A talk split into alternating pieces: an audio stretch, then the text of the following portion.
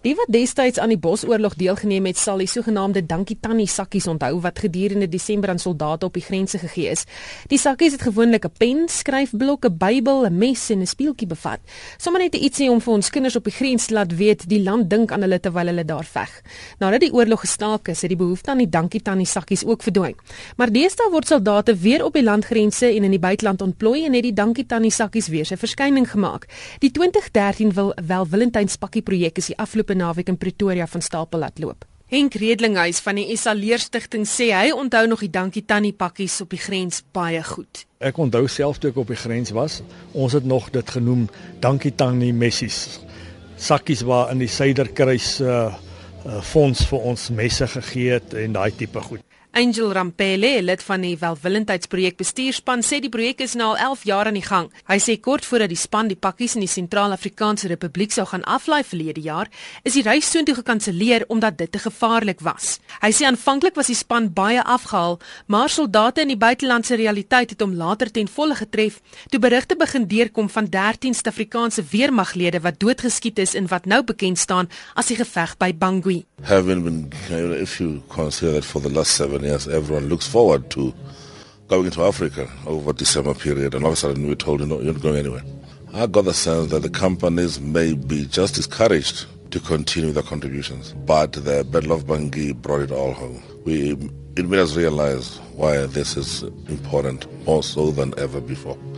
It's not about us now going out there and saying to the guys we love you. It's more about showing our love whilst they're here Die minister van verdediging en militêre veterane, Nosiviwe Mapisa-Nqakula, sê hierdie is 'n manier waarop die Suid-Afrikaanse publiek weer eienaarskap kan neem van hulle weermag. The South African National Defence Force is not a, a government entity.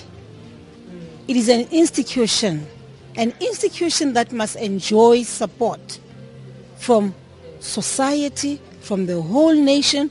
We all must rally behind behind them because we know that these are people who are ready to lay their lives on the line for their country. This, the South African National Defence Force is the last line of defence of, in any country. That is the situation.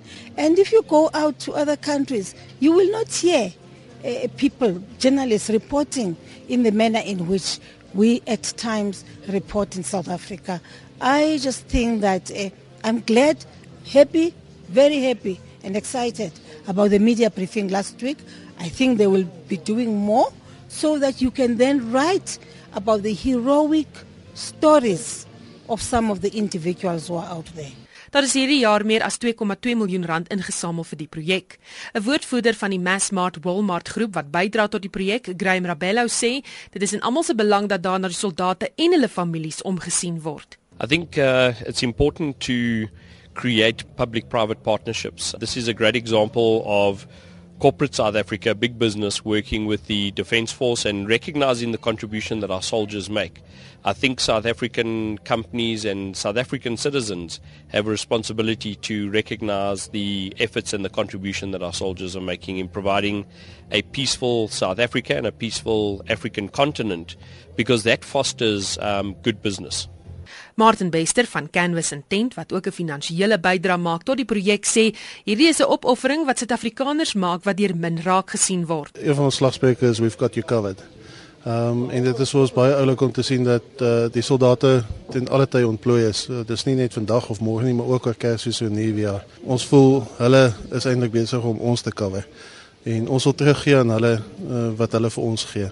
Dit is nie 'n lekker tyd om weg te wees van jou familie of van van jou vriende of voor Kerstyd nie. Hulle is baie alleen vir al daai tyd en hulle doen dit vir die trots in die land. Selfs die Bybels wat saam met die pakkies versprei word, het verander. Die Bybels word nou in 'n kleiner formaat met 'n kamoufleer omslag gedruk. Lawrence Geldenhuys van die Bybelgenootskap van Suid-Afrika sê, die meeste soldate het nou 'n Bybel en daarom word dan nou ook 'n boekie met dagstukkies in aan die soldate versprei as deel van die geskenkpakkie.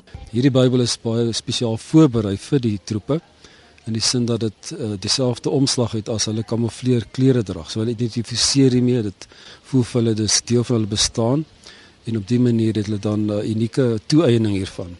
Dis wonderlik wanneer die Bybels uitgedeel word om te sien hoe dat hierdie troepe gaan sit en die kospakkie eenkant sit en direk met die Bybel begin.